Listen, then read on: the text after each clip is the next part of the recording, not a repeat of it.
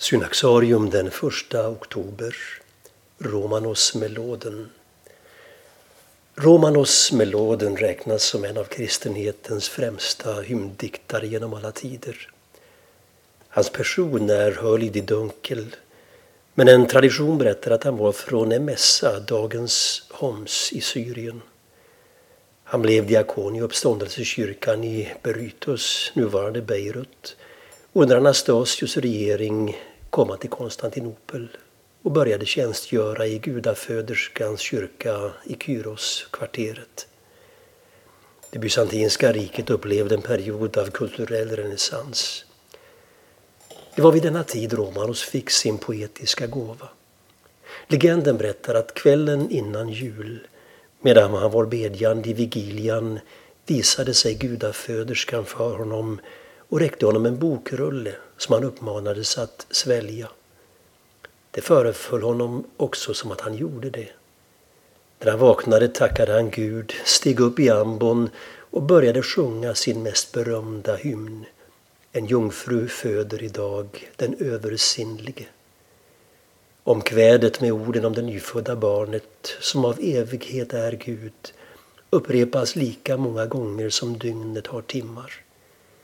Julhymnen med sina 24 strofer avslutas med barnamoderns gripande förbön för den lidande mänskligheten.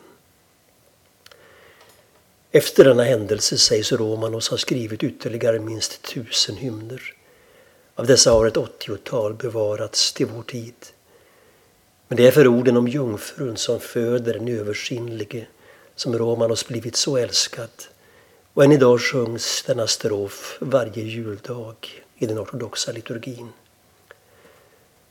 Romano skriver samtliga sina hymner i den genre som kallas kontakion, en grekisk term som syftar på den stav en bokrulle rullas kring.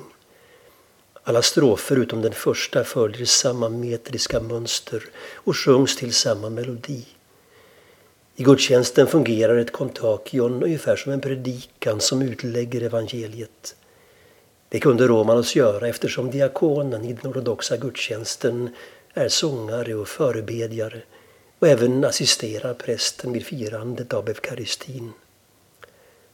Romanos fick ärenamnet Melod eftersom han skrev både text och musik till sina verk.